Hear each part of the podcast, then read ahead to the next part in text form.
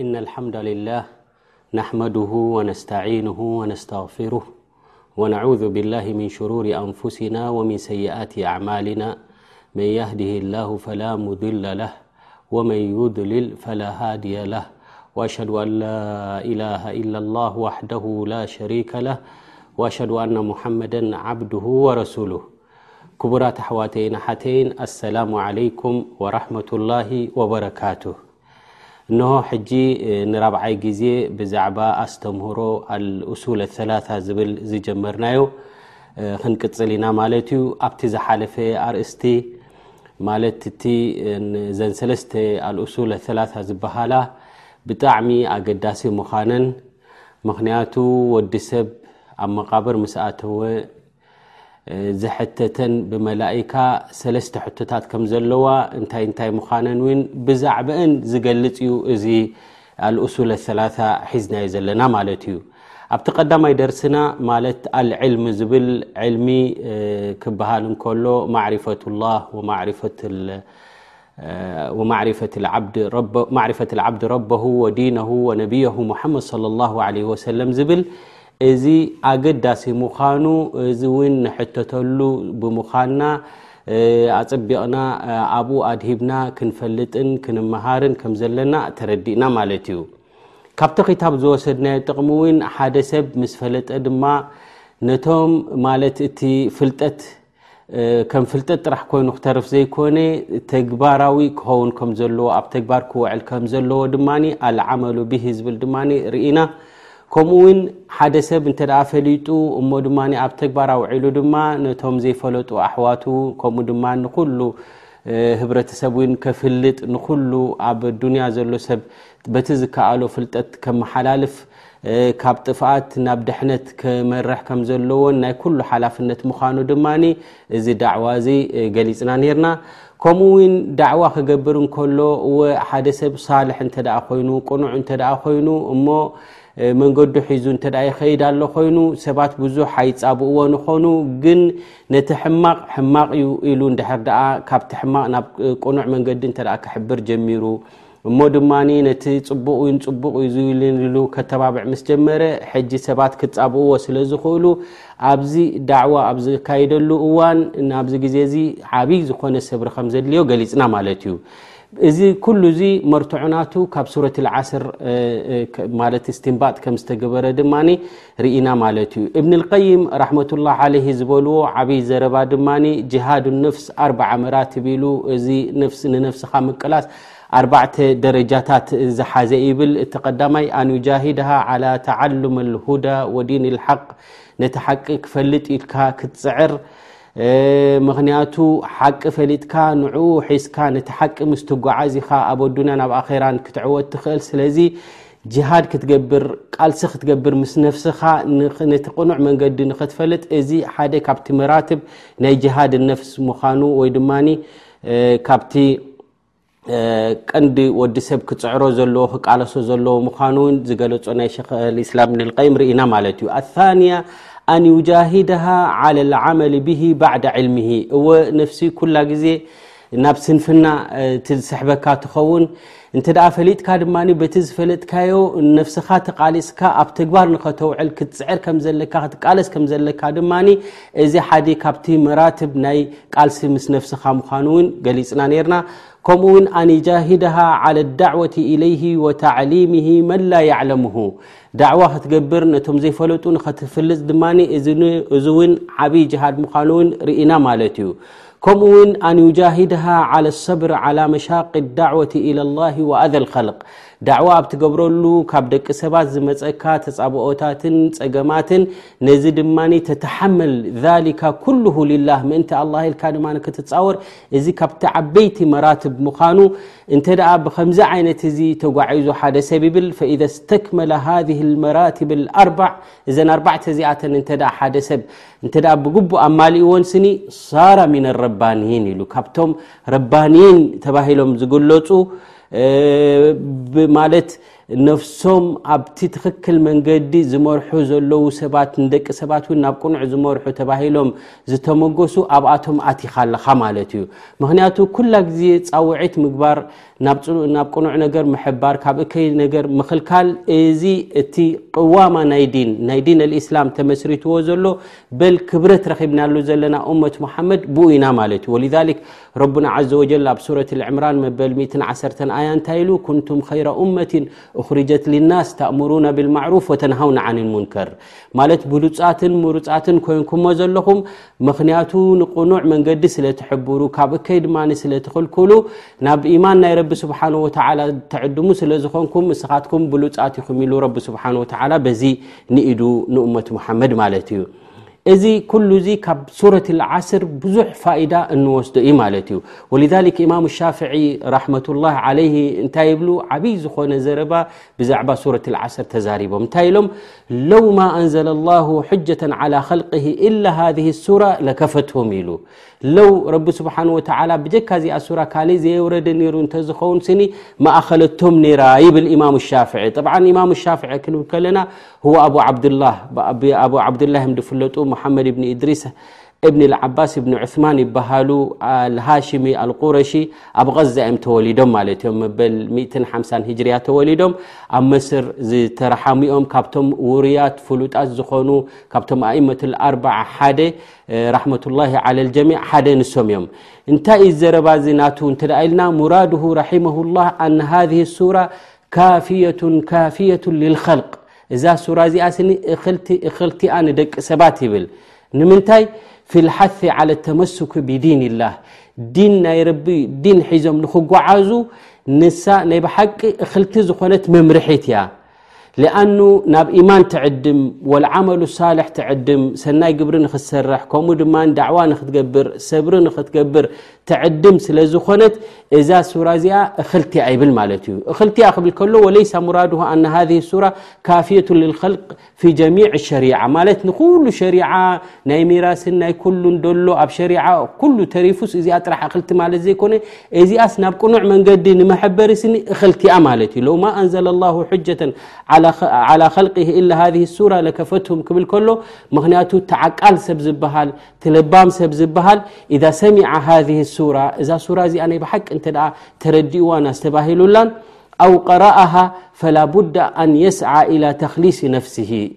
ምክንያቱ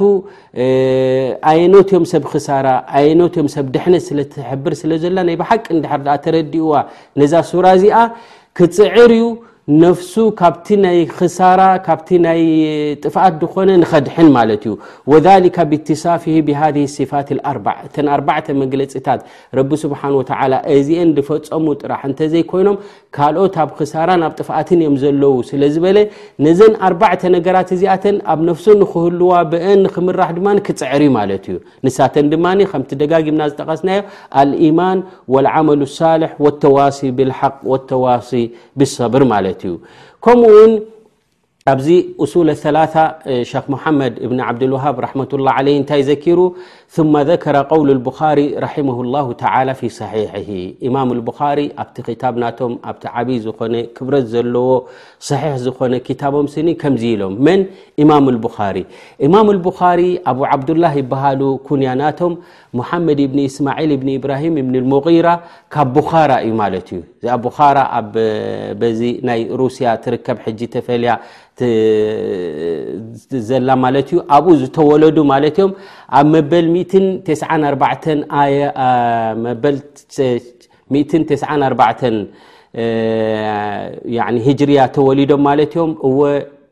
ኢማም ልቡኻሪ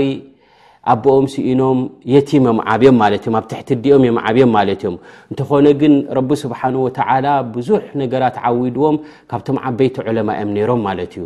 ኣብ ክታብ ናቶም እንታይ ይብሉ ባብ ኣልዕልሙ ቐብለ ልቀውሊ ወልዓመል ይብል ማለት እዚ ኣርእስቲ እዚ ተፃሒፉ ዘሎ ይብል ሓንቲ ርእስቲ ሒዙ ኣልዕልም ይብል ፍልጠ ስኒ ቐብለ ልቀውሊ ወልዓመል ይብል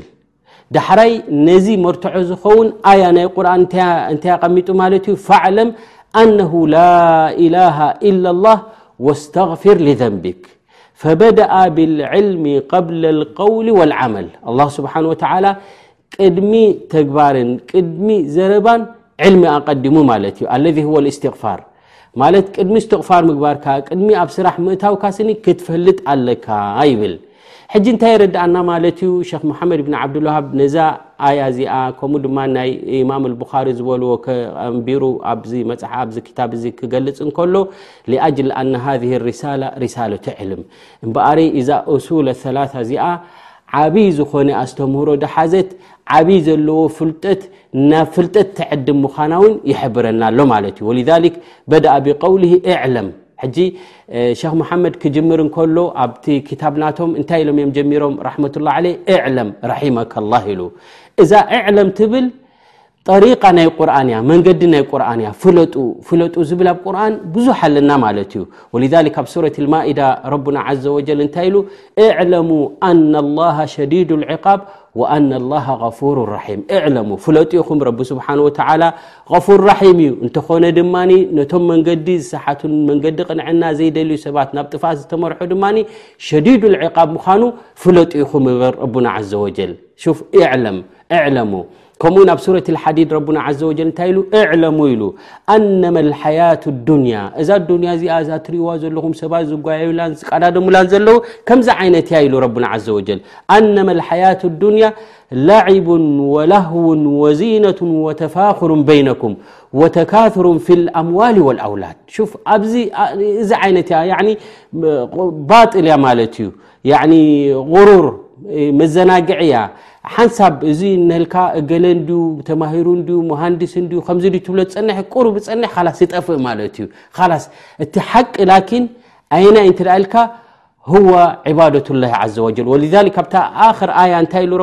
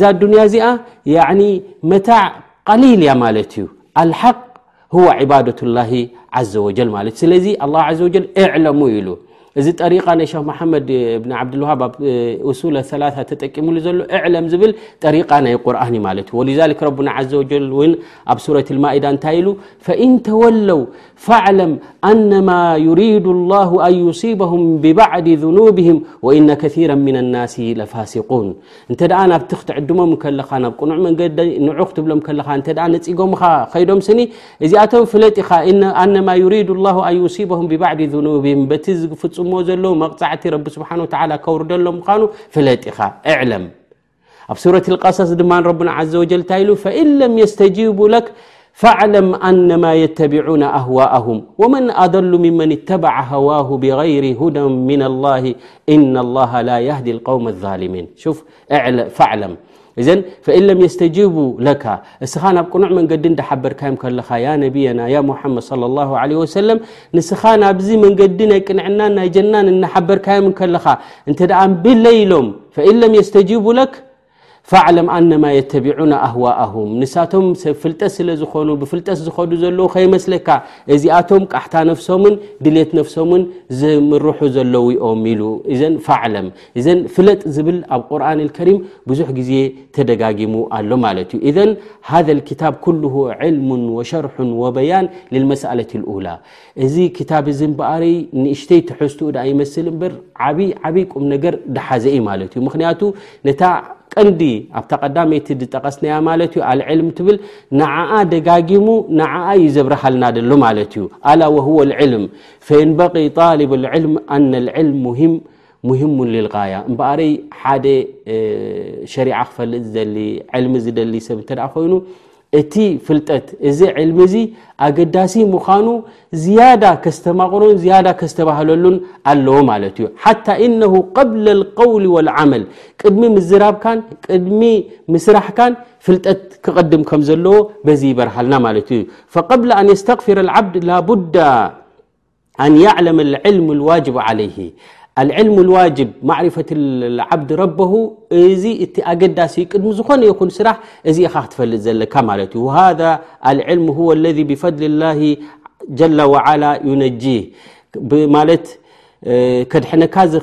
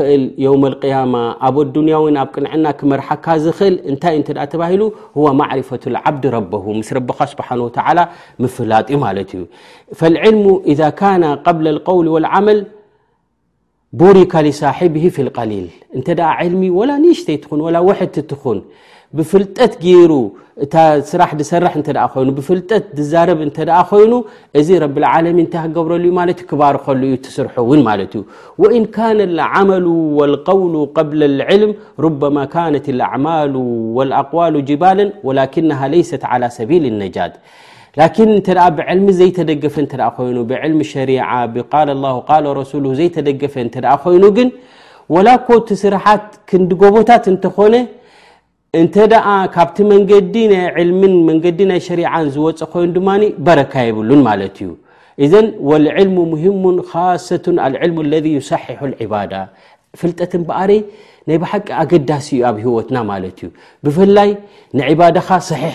ዝገብረልካ ነገር ከይትጋገይ ምእንታን ናብቲ ቅኑዕ ናይ ዕባዳ ዝመርሕ እንተ ኮይኑ ይሳሒሕ ዓቂዳ ንዓቂዳኻ ዝነክእ ነገር ዘበላሹ ነገር ድማ ንዕኡ ድማ ዘዕርየልካ ዕልሚ እንተ ኮይኑ ይሳሒሕ ልቀልብ ነዚ ናይ ቀልቢ ደሎ ኣብ ቅሉብ ብዙሕ ኣዕማል ኣሎ ንዕኡ እውን ተስሒሕ ዝገብረልካ ንኡ ዘዕርየልካ ዕልሚ እንተ ኮይኑ ወየጅዓሉ ልመርኡ ፊ ሓያትህ የሲሩ ዓላ በይነቲ ውፍቅ ሱነቲ ኣረሱሊ ዓለይህ ሰላቱ ወሰላም ለይሰ ዓላ ጀሃላ በቲ ናይ ረሱል ስለ ላሁ ዓለህ ወሰለም መንገዲ ብብርሃን ብዘይ ፍልጠት ዘይኮነ ብፍልጠት ንክትከይድ ዝገብረካ ወይ ድማ ተኸታሊ ናይ ረሱል ስለ ላ ለ ወሰለም ንክትከውን ዘብቅዓካ እንታይ እንተ ተባሂሉ ህወ ልዕልም ፍልጠት እዩ ማለት እዩ እዘን ኣልዕልሙ ኣልዓመል ኣዳዕዋ ወሰብር እዚ ኩላ ግዜ ክደጋገም ዘለዎ ክንፈልጦ ዘለናን ኣብ ሱረት ዓስር ድማ ነዚኣ ትሕብረና ማለት እዩ ብድሕሪኡ ኢማም ሙሓመድ ብኒ ዓብድልዋሃብ ራሕመት ላ ለይ እንታይ ኢሉ እዕለም ይብል ራሒመካ ላህ ኣነሁ የጅቡ ዓላ ኩል ሙስሊም ወሙስሊማ ተዓሉም ሃذ ላታ ይብል እቲ መጀመርያ ኣርባዕተ ነገራት ክንፈልጠን ዝግብኣና ኣሎ ኢሉ ነይሩ ማዕሪፈት ኣልዕልሙ ኢሉ ኣልዓመል ኢሉ ኣዳዕዋ ኢሉ ወሰብር ኢሉ ሕጂ ድማ ንዕኡ ዝያዳ ዝድግፍ ዝኾነ ንዑ እውን ዝያዳ ዘብርህ ዝኾነ ሰለስተ ነገራት ድማ ክፈልጥዎ ዝግባእ ነፍሲ ወከፍ ኣስላማይን ኣስላመይትን ክፈልጥዎ ዝግባእ ከምኡ ድማ ብኡ ክሰርሕዎ ዝግብኦም ሰለስተ ነገራት ኣለና ይብል ማለት እዩ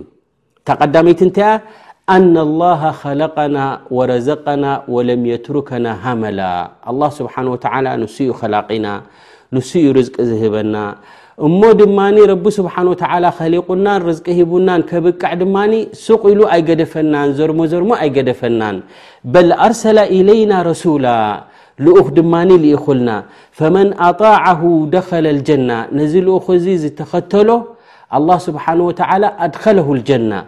ወመን ዓሳሁ ደኸለ ናር ነዞም ነቢያት እዚኣቶም መንገዲ ቕንዕና ዝሕብሩን ዝመርሑን ድማ ንዓቶም እምብለ ኢሉ ዝነፀጎም ሰብ ድማ ኣብ ሓዊ ጀሃንም ይኣቱ ነዚ መርትዖ ድኸውን ድማ ኣላሁ ስብሓን ወተዓላ ኣብ ሱረት ልሙዘምል እንታይ ኢሉ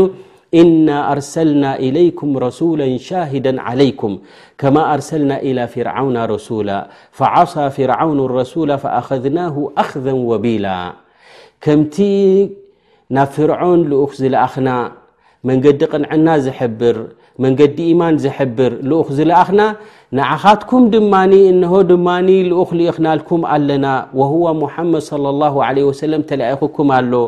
እዚ ልኡኽ እዚ ድማ ሻሂደን ዓለይኩም መስካሪ ዝኾነ ፅባሕ ንግሆ ኣብ ቅድሚ ረቢ ዝምስክር ዝኾነ ብግቡእ ዘብፅሕ ዝኾነ ልኡኽ ድማ ንዓኻትኩም ልኢኽናልኩም ኣለና ፍርዖን ግን እዚ ልኡኽ እዚ ተላኢኽዎ መንገዲ ቅንዕና ሓቢርዎ ከብቅዕ ኣይደሊን ኢሉ መንገዲ ጥፍኣት ስለ ዝመርሐ ዝሓዘን ዝተመርሐን ንሕና ድማ ከቢድ ዝኾነ መቕፃዕትን ከቢድ ዝኾነ ኣተሓሕዛን ሒዝናዮ ይብል ረቡና ዓዘ ወጀል ማለት እዩ እዘን እዘን ሰለስተ መሳኢል እዚኣተን ዓበይቲ ዝኾና እየን እንሻ ላ ኣብቲ ድመፅ ትሕዝቶ ብዝያዳ ኣስፋሓቢልና ክንገልፀና ወሰለ ላሁ ወሰለማ ዓላ ነብይና ሙሓመድ